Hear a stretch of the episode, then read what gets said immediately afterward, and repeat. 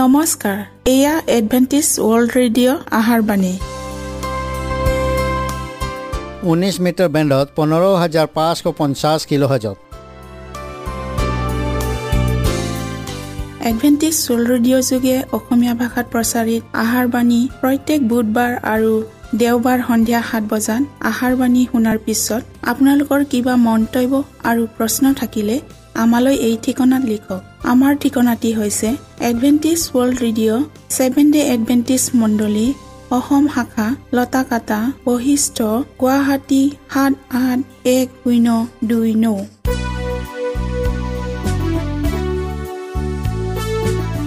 প্ৰিয় শ্ৰোতা বন্ধুসকল এতিয়া শুনো আহক এটি খ্ৰীষ্টীয় ধৰ্মীয় গীত।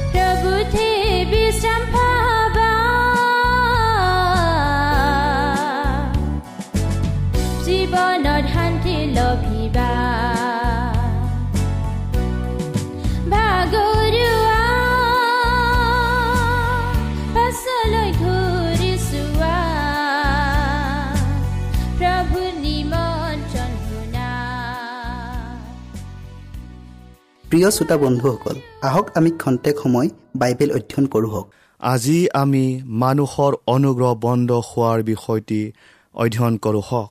বাইবেল পদটি লোৱা হৈছে প্ৰকাশিত বাক্যৰ বাইছ অধ্যায়ৰ এঘাৰ পদ। যিজন অন্যায়কাৰী তেওঁ আৰু অন্যায় কৰি থাকক। যিজন কলংকী তেওঁ আৰু কলংকিত হওক। যিজন ধাৰ্মিক তেওঁ আৰু ধৰ্ম আচৰণ কৰক। যিজন পবিত্ৰ তেওঁ পবিত্ৰ হৈ থাকক। আমি প্ৰাৰ্থনা কৰোঁ হওক। স্বৰ্গত থকা জীৱনময় গৰাকী ঈশ্বৰ হোৱা ধন্যবাদ প্ৰভু। আকৌ এই বিশেষ সুন্দৰ সময় আমাক দিয়াৰ বাবে। প্ৰভু যি বিষয়টিলৈ আমি অধ্যয়ন কৰিবলৈ আগবঢ়াইছোঁ সেই বিষয়টিলৈ জানিবলৈ আমাক জ্ঞান আৰু বুদ্ধি দিয়া। প্ৰত্যেক শ্ৰোতাৰ লগত তুমি পবিত্ৰ আত্মাৰ যোগেদি থাকা যীশুৰ নামত খুজিলোঁ। আমেন। যেতিয়া অনুসন্ধানমূলক বিচাৰ কৰা কাৰ্য বন্ধ হ'ব তেতিয়া প্ৰতিজনে জীৱনেই পাব নে মৃত্যুকেই পাব তাক তিৰাং কৰা হ'ব। আকাশত মেঘৰথেৰে প্ৰভুৱে নামি অহাৰ কিছু আগত অনুগ্ৰহৰ সময় শেষ হ'ব। বিদ্ৰোপকাৰীসকলে প্ৰকৃতিৰ চিনবোৰ নিৰূপণ কৰিব জানে। বতৰ আৰু ঋতুৰ সম্পৰ্কে সিহঁতৰ জ্ঞান আছে। সিহঁতে জানে যে নীলা আকাশ কেতিয়াও বৰষুণ নিদিয়ে। নীলা আকাশৰ ৰাতি ঘাঁহনীয় নিশৰহে পৰে। আৰু সিহঁতে ৰিঙিয়াই কয় এইবোৰ কথা তেওঁ দৃষ্টান্তত কোৱা নাইনে? ঘৃণা আৰু অৱজ্ঞাৰে সিহঁতে ধাৰ্মিকতাৰ শিক্ষকগৰাকীক বলিয়া বুলিহে অভিহিত কৰিছিল আৰু নিজ নিজ কামত আৰু আমোদ প্ৰমোদত লিপ্ত হৈছিল। পূৰ্বতকৈ অধিকভাৱে অসৎ পথত অগ্ৰসৰ হৈছিল।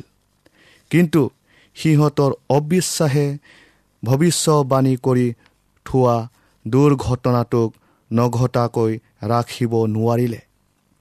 সিহঁতৰ দুষ্টতাক ঈশ্বৰে দীৰ্ঘদিন শোষণ কৰিছিল। নিজ পাপৰ বাবে অনুতাপ কৰিবলৈ সুন্দৰ সুযোগ প্ৰদান কৰিছিল। কিন্তু নিৰূপিত সময়ত তেওঁৰ কৰোণাক অগ্ৰাহ্য কৰা সকলৰ ওপৰত সোধ বিচাৰ আহিছিল। কৃষ্টই ঘোষণা কৰিছে যে তেওঁৰ দ্বিতীয় আগমনৰ ক্ষেত্ৰতো একেধৰণৰ অবিশ্বাস দেখা পোৱা যাব। যেনেকৈ নোহৰ দিনত মানুহে জলপ্লাৱন আহি সকলোকে উটুৱাই নিয়ালৈকে জ্ঞান নাপালে সেইদৰে মানুহৰ পুত্ৰ আগমন হ'ব। ইয়াক আমাৰ ত্ৰাণকৰ্তাজনৰ বাইকত পোৱা যায়। যেতিয়া নিজকে ঈশ্বৰৰ মানুহ বুলি পৰিচয় দিয়াসকলে জগতৰ লগত মিত্ৰতা কৰি জগতে যিদৰে চলে সেইদৰে চলিব আৰু ঈশ্বৰৰ ঘীনলগীয়া বিষয়বোৰত ৰং তামাচাত সিহঁতে যোগদান কৰিব। যেতিয়া জগতৰ বিলাসিতাবোৰ মণ্ডলীৰো বিলাসিতাত পৰিণত হ'ব যেতিয়া বিয়াৰ ঢোল পেঁপা বাজি থাকিব আৰু বহু বছৰ ধৰি জগতৰ সা সম্পত্তিবোৰ ভোগ কৰিম বুলি আশা পালি থাকিব। তেতিয়া আকাশত বিজুলীৰ পোহৰ জ্বলি উঠাৰ দৰে হঠাৎ সিহঁতৰ গৌৰবজল ভৱিষ্যত আৰু মায়াময় আশা আকাংক্ষাবোৰ ধূলিখ্যাত হ'ব। অনুগ্ৰহৰ সময় অন্ত পৰাৰ লগত সম্পৰ্ক থকা ঘটনাবোৰৰ বিষয়ে আৰু মহাক্লেশৰ সময়ৰ বাবে নিজকে প্ৰস্তুত কৰা কাৰ্যৰ বিষয়ে স্পষ্টকৈ উপস্থাপন কৰা হৈছে। এইবোৰক যেন কেতিয়াও কোৱা হোৱা নাই এনে অৰ্থত বহুতো লোকে এই বিষয়ে এতিয়াও একোকে বুজি পোৱা নাই। পৰিত্ৰাণ সম্পৰ্কীয় বিষয়ত তেওঁবিলাকক জ্ঞানী কৰিব পৰা প্ৰতিটো বিষয়ক তেওঁবিলাকৰ পৰা আঁতৰাই ৰাখিবলৈ ছয়তানে অনবৰতে চুপ লৈ আছে আৰু মহাক্লেশৰ সময়ত তেওঁবিলাকক অপ্ৰস্তুত অৱস্থাত পোৱা যাব। প্ৰথম টিচলনীয়া পাঁচ অধ্যায়ৰ এক আৰু দুই পদটো আমি পঢ়োঁ হওক কিন্তু সেই ভাইবিলাক সেই কাল বা সেই সময়ৰ কথা মই তোমালোকলৈ লিখিবলৈ তোমালোকৰ প্ৰয়োজন নকৰে। কিয়নো ৰাতি যেনেকৈ চোৰ আহে তেনেকৈ প্ৰভুৰ দিন আহিব ইয়াক তোমালোকে নিশ্চয়কৈ জানা। ধাৰ্মিক আৰু দুষ্ট উভয়ে নিজৰ নিজৰ মৰ্ত শৰীৰ লৈ পৃথিৱীত এতিয়াও বসবাস কৰি আছে। মানুহে বৃক্ষ ৰোপণ কৰিব আৰু গৃহ সাজিব। ভোজন আৰু পাণ কৰিব। কিন্তু ধৰ্মধামত যে অন্তিম আৰু অপৰিৱৰ্তনীয় সিদ্ধান্ত লোৱা হৈ গৈছে তাৰ প্ৰতি কাৰোৰে ভ্ৰুক্ষেপ নাই। জলপ্লাৱনৰ আগত নৌ জাহাজত প্ৰৱেশ কৰাৰ পাছত ঈশ্বৰে সি ভিতৰত সোমোৱাৰ পাছতে জাহাজৰ দুৱাৰখন বন্ধ কৰি দিছিল আৰু ঈশ্বৰক নমনাসকলক বাহিৰত ৰাখিছিল। কিন্তু সাত দিনৰ পিছত যে তেওঁবিলাকৰ ওপৰত সৰ্বনাশ নামি আহিব তাক লোকসমূহে জনা নাছিল। তেওঁবিলাকে অসাৱধান হৈয়ে সিহঁতৰ ৰং তামাচা আৰু আমোদ প্ৰমোদত মত্ত হৈ আছিল আৰু আহিবলগীয়া বিচাৰৰ সাৱধানবাণীক উপহাস কৰিছিল। সেইকাৰণে ত্ৰাণকৰ্তাজনাই এইদৰে কৈছে মানুহৰ পুত্ৰৰ আগমনো সেইদৰে হ'ব। অতি নীৰৱ নিস্তব্ধতাৰে মাছ ৰাতিৰ চোৰৰ নিচিনাকৈ সেই অন্তিম সিদ্ধান্তৰ সময় আহিব যিটোৱে প্ৰতিজন ব্যক্তিৰ গন্তব্য স্থান নিৰ্ধাৰণ কৰিব আৰু পাপীজনক প্ৰদান কৰা কৰোণা সেইদিনা উঠাই লোৱা হ'ব। লোকসকলে মাৰাত্মক নিৰাপত্তাকে আচল নিৰাপত্তা বুলি সকাহ লৈছে। এনেবোৰ লোক ঈশ্বৰৰ ক্ৰোধ তেওঁবিলাকৰ ওপৰত পৰিলেহে চেতনা পাব। পৃথিৱীত অনুগ্ৰহৰ সময় অন্ত পৰাৰ সময়ত প্ৰভুৰ বিচাৰো অন্ত পৰিব আৰু ভয়ানক উৎপাতবোৰ আহিবলৈ আৰম্ভ কৰিব। তেতিয়া যিসকলে ঈশ্বৰৰ বাক্যক অৱজ্ঞা কৰিছিল যিসকলে ঈশ্বৰৰ বাক্যক গুৰুত্ব দিয়া নাছিল তেওঁবিলাকে ঈশ্বৰৰ বাক্য বিচাৰি সাগৰৰ পৰা সাগৰলৈ উত্তৰৰ পৰা দক্ষিণলৈ আৰু এনেকি পূবৰ পৰা পশ্চিমলৈ লৰ ধৰিব। সিপালৰ পৰা সিপালে দৌৰি হাবাতৰি খাব।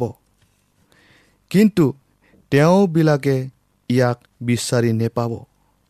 ঈশ্বৰৰ পৰিচৰ্যা কৰাবিলাকে তেওঁবিলাকৰ শেষ কাৰ্য কৰি অতালে। তেওঁবিলাকৰ অন্তিম প্ৰাৰ্থনা পূৰ্ণ হ'ল।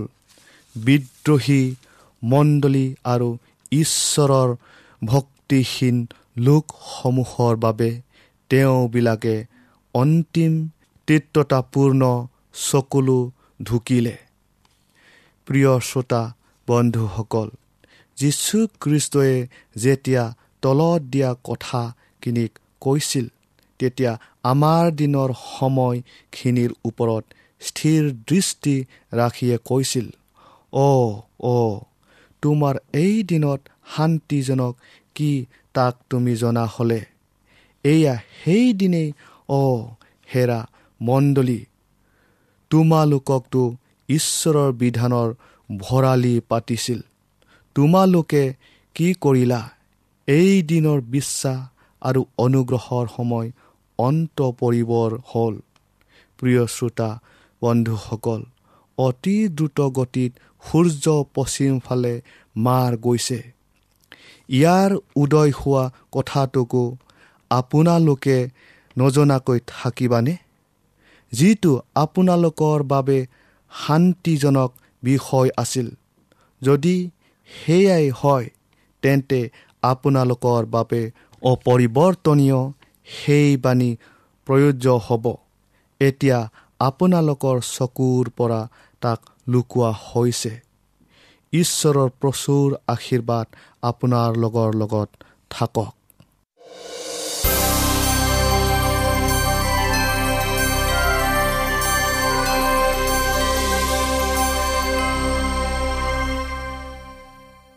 আমাৰ আজিৰ বিষয়টি হ'ল কোনো কালেও নঘটা এক সংকটৰ সময়। শাস্ত্ৰ পদ লোৱা হৈছে দানিয়েল বাৰ অধ্যায়ৰ এক পদ। সেই কালত তোমাৰ জাতিৰ মানুহবিলাকৰ বংশক ৰক্ষা কৰোতা মহাৰক্ষক দূত মিকায়েল উঠি থিয় হ'ব। আৰু কোনো জাতি উৎপন্ন নোহোৱা কালৰে পৰা সেই কাললৈকে যেনে সংকট কেতিয়াও হোৱা নাই এনে সংকটৰ কাল হ'ব। আৰু সেই কালত পুস্তকখনিত নাম লিখা তোমাৰ আটাই স্বজাতীয় লোকে উদ্ধাৰ পাব। আমি প্ৰাৰ্থনা কৰোঁ হওক। স্বৰ্গত থকা ত্ৰাণকৰ্তা প্ৰেমময় ঈশ্বৰ যে হোৱা। ধন্যবাদ প্ৰভু আকৌ এই বিশেষ সুন্দৰ সময় আমাক দিয়াৰ বাবে। প্ৰভু আমি যি বিষয়টিলৈ অধ্যয়ন কৰিবলৈ আগবঢ়াইছোঁ সেই বিষয়টিলৈ জানিবলৈ তুমি আমাক জ্ঞান আৰু বুদ্ধি দান কৰা। প্ৰত্যেক শ্ৰোতাৰ লগত পবিত্ৰ আত্মাৰ যোগেদি থকা যীশুৰ নামত খুজিলোঁ। আমেন। যেতিয়া তৃতীয় স্বৰ্গদূতৰ বাণী অন্ত পৰিব তেতিয়া পৃথিৱী নিবাসীবিলাকৰ অপৰাধৰ বাবে কোনো ক্ষমা মাৰ্জনা আৰু নাথাকিব। ঈশ্বৰৰ লোকসকলে তেওঁবিলাকৰ কাৰ্য তেতিয়া কৰি অতাব। তেওঁবিলাকে ঈশ্বৰ যি হোৱাৰ পৰা সঞ্জীৱনী শক্তি শেহতীয়া বৰষুণক তেতিয়া ইতিমধ্যে লাভ কৰিব আৰু সন্মুখত থকা সংকটময় সময়ৰ বাবে নিজকে প্ৰস্তুত কৰি ল'ব। আকাশত স্বৰ্গদূতগণে লৰা ধপৰা কৰি লৱৰি ফুৰিব পৃথিৱীৰ পৰা এজন স্বৰ্গদূত উভতি গৈ সিদ্ধ হ'ল অৰ্থাৎ কাম শেষ হ'ল বুলি জাননী দিব। পৃথিৱীৰ ওপৰত অন্তিম পৰীক্ষা পৰিব আৰু যিসকলে ঐশ্বৰিক বিধানৰ প্ৰতি ৰাজভক্তি অনুজ্ঞতা প্ৰদৰ্শন কৰিলে বুলি নিজকে প্ৰমাণিত কৰিব। তেওঁবিলাকে জীৱনময় ঈশ্বৰৰ চাপ পাব। তেতিয়া যীশুখ্ৰীষ্টই স্বৰ্গৰ ধৰ্মধামত কৰি থকা মধ্যস্থতাৰ কাৰ্য বন্ধ কৰিব। তেওঁ নিজৰ হাত দুখন দাঙি বৰ মাতেৰে ক'ব সিদ্ধ হ'ল। যেতিয়া তেওঁ ধৰ্মধাম এৰি গুচি আহিব তেতিয়া পৃথিৱী নিবাসীসকল অন্ধকাৰে আৱৰি ল'ব। এই অতি ভয়ংকৰ সময়ত ধাৰ্মিক লোকসকলে এজন মধ্যস্থতাকাৰীৰ অবিহনে এজন অতি পবিত্ৰ ঈশ্বৰৰ সন্মুখত জীয়াই থাকিবলৈ সমৰ্থ হ'ব লাগিব। অধাৰ্মিক দুষ্টসকলৰ ওপৰত যি অনুগ্ৰহ আছিল তাক গুচাই পেলোৱা হ'ব। আৰু তেতিয়া ছয়তানে এনে কঠিন মনা অনুতাপ শূন্য লোকসকলক পূৰা মাত্ৰাই নিজৰ কবলত আনিব। ঈশ্বৰৰ দীৰ্ঘ সহিষ্ণুতা অন্ত পৰিব। জগতে তেওঁৰ দয়াক অগ্ৰাহ্য কৰিলে। তেওঁৰ প্ৰেমক অৱজ্ঞা কৰিলে। আৰু তেওঁৰ বিধানক ভৰিৰে গছকি অৱমাননা কৰিলে। দুষ্ট অধাৰ্মিকসকলে নিজৰে অনুগ্ৰহৰ সীমা চেৰাই গ'ল। যি ঈশ্বৰৰ আত্মাই সিহঁতক পৰিৱৰ্তন কৰাবলৈ নেৰানেপেৰাকৈ লাগি আছিল তাকে সিহঁতৰ পৰা আঁতৰ কৰা হ'ল। সিহঁত ঈশ্বৰৰ অনুগ্ৰহহীন হ'ল। অধাৰ্মিকতাৰ পৰা ৰক্ষা পোৱা সিহঁতৰ কোনো ৰক্ষা কবচ আৰু নাথাকিল। তেতিয়া ছয়তানে জগতৰ এই লোকবিলাকক লগত লৈ এক মহাসংকট সৃষ্টি কৰিবলৈ অভিসন্ধি ধৈৰ্যৰ কৰিব। যেতিয়া ঈশ্বৰৰ দূতসকলে মনুষ্যৰ অতি ক্ৰোধাদ্য চাৰি বায়ুৰ বান মুকলি কৰি দিব। তেতিয়া সকলো প্ৰকাৰৰ সংঘৰ্ষ সৃষ্টি কৰিব পৰা উপাদানবোৰ মুকলি হ'ব। তেতিয়া জেৰুচালেম ধ্বংস হোৱা কাৰ্যতকৈ অনেক গুণে ভয়ংকৰকৈ অৱৰ্ণনীয় ধ্বংস কাৰ্যত সমুদায় বিশ্ববাসী লিপ্ত হ'ব। এনে মহাসংকটৰ সময়ত যিসকলৰ হাত সূচী আৰু হৃদয় শুদ্ধ আৰু পবিত্ৰ তেওঁবিলাকেহে মাথোন থিয় দি থাকিবলৈ সক্ষম হ'ব। সেই চাৰিজন স্বৰ্গদূতে চাৰি বায়ুক ধৰি থকা সময়তে তেওঁৰ নিমন্ত্ৰণ স্বীকাৰ কৰিবলৈ আৰু শুদ্ধটোক বাছি ল'বলৈ এতিয়াই সুসময়। প্ৰকাশিত বাক্য সাত অধ্যায়ৰ তিনি পদটো আমি পঢ়োঁ হওক। আমি নিজ ঈশ্বৰৰ দাহবিলাকৰ কপালত চাপ নামাৰোঁ মানে তোমালোকে পৃথিৱী বা সাগৰ গছবোৰক হিংসা নকৰিবা। স্বৰ্গদূতবিলাকে পৃথিৱীখনক বান্ধি ৰাখিছে যাতে ছয়তানে জগতখন অধিপত্য স্থাপন কৰিব নোৱাৰে। কিয়নো সি সমুদায় জগতখনক তাৰ লগত চামিল কৰিব বিচাৰে। এই দূতবিলাকৰ মাত আমি নুশুনো আৰু আমাৰ স্বাভাৱিক দৃষ্টিৰে তেওঁবিলাকৰ কাৰ্যক নেদেখোঁ। কিন্তু তেওঁবিলাকৰ হাতে পৃথিৱীৰ মংগলৰ হেতু কাম কৰি আছে আৰু ঈশ্বৰৰ লোকসকলক চাপ মৰা কাৰ্য সম্পূৰ্ণ নকৰাকৈ ছয়তানৰ অনুচৰসকলক অনবৰতে নিৰীক্ষণ কৰি আছে আৰু সিহঁতক আঁতৰাই ৰাখিছে। প্ৰাকৃতিক দুৰ্যোগবোৰ ভূমিকম্প ধুমুহা আৰু ৰাজনৈতিক সংঘৰ্ষবোৰক জোহনে দেখিছিল। যিবোৰক চাৰিজন দূতে ধৰি ৰাখিছিল ঈশ্বৰে নিজ বাক্য জগতত বিলাই পূৰ্ণ নকৰালৈকে এই চাৰি বায়ুক নিয়ন্ত্ৰণ কৰি ৰখা হ'ব। ঈশ্বৰৰ মণ্ডলী এই পৰিস্থিতি নিৰাপদ অৱস্থাত থাকিব। ঈশ্বৰৰ দাস দাসীবিলাকৰ কপালত ঈশ্বৰৰ চাপ মাৰি সম্পূৰ্ণ নকৰালৈকে ঈশ্বৰৰ চাৰি দূতে সেই চাৰি বায়ুক বান্ধি ৰাখিছে। যাতে এই পৃথিৱী বা সাগৰ বা গছবোৰক হিংসা অৰ্থাৎ অনিষ্ট কৰিব নোৱাৰে।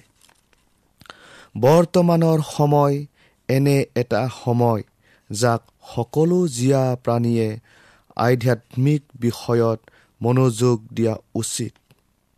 শাসনকৰ্তা আৰু ৰাজনৈতিক পণ্ডিত আৰু বিখ্যাত লোকবিলাক যিবিলাকে বিশ্বস্ততা আৰু ক্ষমতাৰ আসন অধিকাৰ কৰি আছে। প্ৰতিটো জাতি বৰ্ণৰ মুনি আৰু তিৰোতাসকল সকলোৱে আমাৰ ওপৰত পৰিবলৈ ৰৈ থকা নিৰ্ধাৰিত ঘটনাবোৰৰ বিষয়ে মনোনিৱেশ কৰা উচিত। দেশসমূহৰ মাজত দেখা দিয়া টনকা আৰু অস্থিৰ লৰক পৰক সম্বন্ধবোৰৰ ওপৰত তেওঁবিলাকে দৃষ্টি ৰাখিছে। পৃথিৱীত সংঘটিত প্ৰতিটো প্ৰাকৃতিক দুৰ্যোগবোৰৰ বিষয়ে তেওঁবিলাকে পৰ্যবেক্ষণ কৰিছে আৰু তাৰ পৰা এইটো ডাঙৰ কৰিব পাৰিছে যে কিবা এটা ডাঙৰ আৰু অদ্ভুত ঘটনা হ'ব। পৃথিৱী কিবা এটা অভাৱনীয় সংকটত পৰিব। পৃথিৱীৰ ওপৰত পৰিবলগীয়া সৰ্বনাশৰ বাতৰিটো সমুদায় পৃথিৱীবাসীক অৱগত নকৰালৈকে স্বৰ্গদূতসকলে অনিষ্টকাৰী চাৰি বায়ুক এতিয়া ধৰি ৰাখিছে। কিন্তু এটা প্ৰকাণ্ড ধুমুহা জুম বান্ধি আছে। পৃথিৱীৰ ওপৰত সজোৰে আহিবলৈ উদ্যত আছে। আৰু যেতিয়া ঈশ্বৰে নিজৰ দূতসকলক সেই চাৰি বায়ু এৰি দিবলৈ আদেশ কৰিব তেনে এটা সময়লৈ প্ৰতিজ্ঞা কৰি আছে। যেতিয়া এনে আদেশ কৰা হ'ব তেতিয়া দুৰ্যোগৰ এনে দৃশ্য ৰচনা হ'ব যাৰ বিষয়ে বৰ্ণনা কৰিবলৈ কোনো কলমেৰে সমৰ্থ নাথাকিব। প্ৰিয় শ্ৰোতা বন্ধুসকল সকাহ বা আখৰি ল'বলৈ ঈশ্বৰে আমাৰলৈ অতি অনুগ্ৰহময় এটি ক্ষণ দান কৰিছে যিসকলে সৰ্বনাশৰ পথত গতি লৈছে। তেওঁবিলাকক ৰক্ষা কৰিবলৈ ঈশ্বৰে আমাৰ ওপৰত যি কাম অৰ্পণ কৰিছে তাক সম্পাদন কৰিবলৈ স্বৰ্গৰ পৰা আমালৈ প্ৰদান কৰা সকলো প্ৰকাৰৰ শক্তিক আমি এইখনতে সৎব্যৱহাৰ কৰিব লাগিব। পৃথিৱীৰ চুকে কোণে সতৰ্কৰ বাণী প্ৰচাৰিত হ'ব লাগিব। প্ৰিয় শ্ৰোতাসকল এটা মহান কাম সম্পাদিত হ'ব লাগিব আৰু এই মহান কামটো সম্পাদন কৰিবলৈ সেইসকল মানুহৰ ওপৰত অতি বিশ্বাসেৰে অৰ্পণ কৰা হৈছে যিসকলে বৰ্তমানৰ সময়ৰ সত্যতাটোক জানে। খ্ৰীষ্টই আপোনালোকক আশীৰ্বাদ কৰক।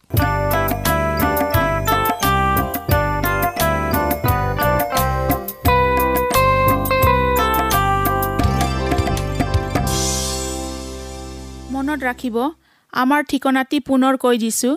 Adventist world radio' Assam region of seven day Adventist voice of hope Latakata Basistha Guwahati seven eight one zero' two nine প্ৰিয় শ্ৰোতা বন্ধুসকল এডভেণ্টিজ ৱৰ্ল্ড ৰেডিঅ' যোগে আহাৰবাণী প্ৰচাৰত আপোনালোকক পুনৰ লগ পোৱাৰ আহাৰে আজিলৈ সামৰিলোঁ। ধন্যবাদ।